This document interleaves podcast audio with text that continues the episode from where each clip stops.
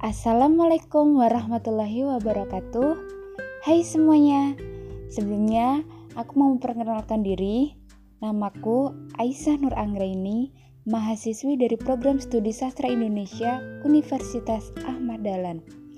Di kesempatan kali ini, aku buat podcast untuk memenuhi ujian akhir semester mata kuliah menulis kreatif yang diampu oleh Ibu Intan Rawit Sapanti.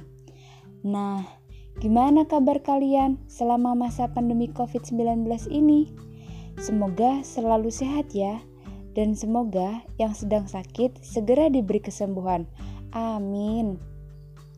Ya, seperti yang kita tahu, hampir di seluruh dunia sedang menghadapi masa pandemi akibat virus corona. Tak terkecuali di Indonesia. Sudah tiga bulan lebih kita menghadapi masa pandemi. Dan selama tiga bulan ini juga banyak korban yang dinyatakan positif corona. Setiap hari selalu ada peningkatan kasus positif. Para tenaga medis sebagai garda terdepan pun terus berusaha untuk menangani pasien, entah itu pasien ODP, PDP, dan juga pasien positif. Segala upaya pun telah dilakukan pemerintah, mulai dari social distancing, physical distancing, hingga anjuran untuk tetap di rumah.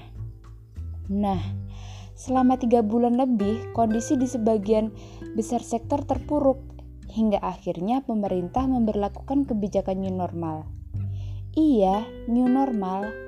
Apa kalian tahu apa itu new normal? Betul sekali. New normal adalah suatu tatanan, kebiasaan, perilaku yang berlandaskan pada adaptasi untuk membudayakan perilaku hidup bersih dan sehat.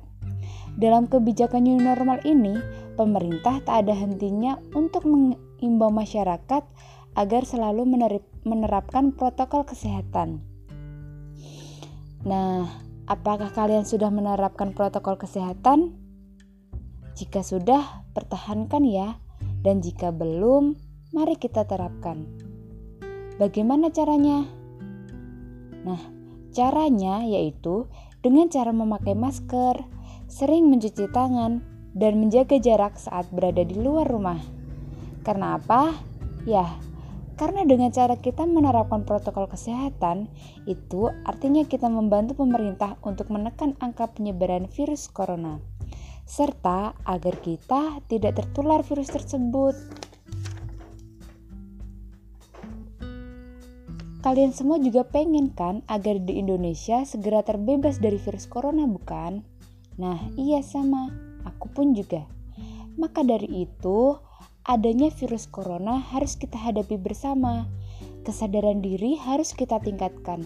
Dan sebisa mungkin, jangan melakukan hal yang bisa menyebabkan penyebaran virus corona.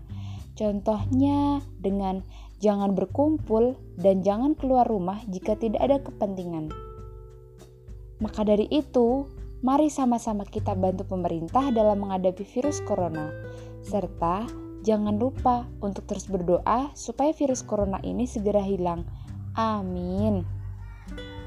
Nah, eh, aku kira cukup sampai di sini dulu eh, penjelasan aku tentang new normal yang ada di Indonesia. Sekian yang bisa aku sampaikan. Buat kalian semua, jangan lupa jaga kesehatan ya. Assalamualaikum warahmatullahi wabarakatuh.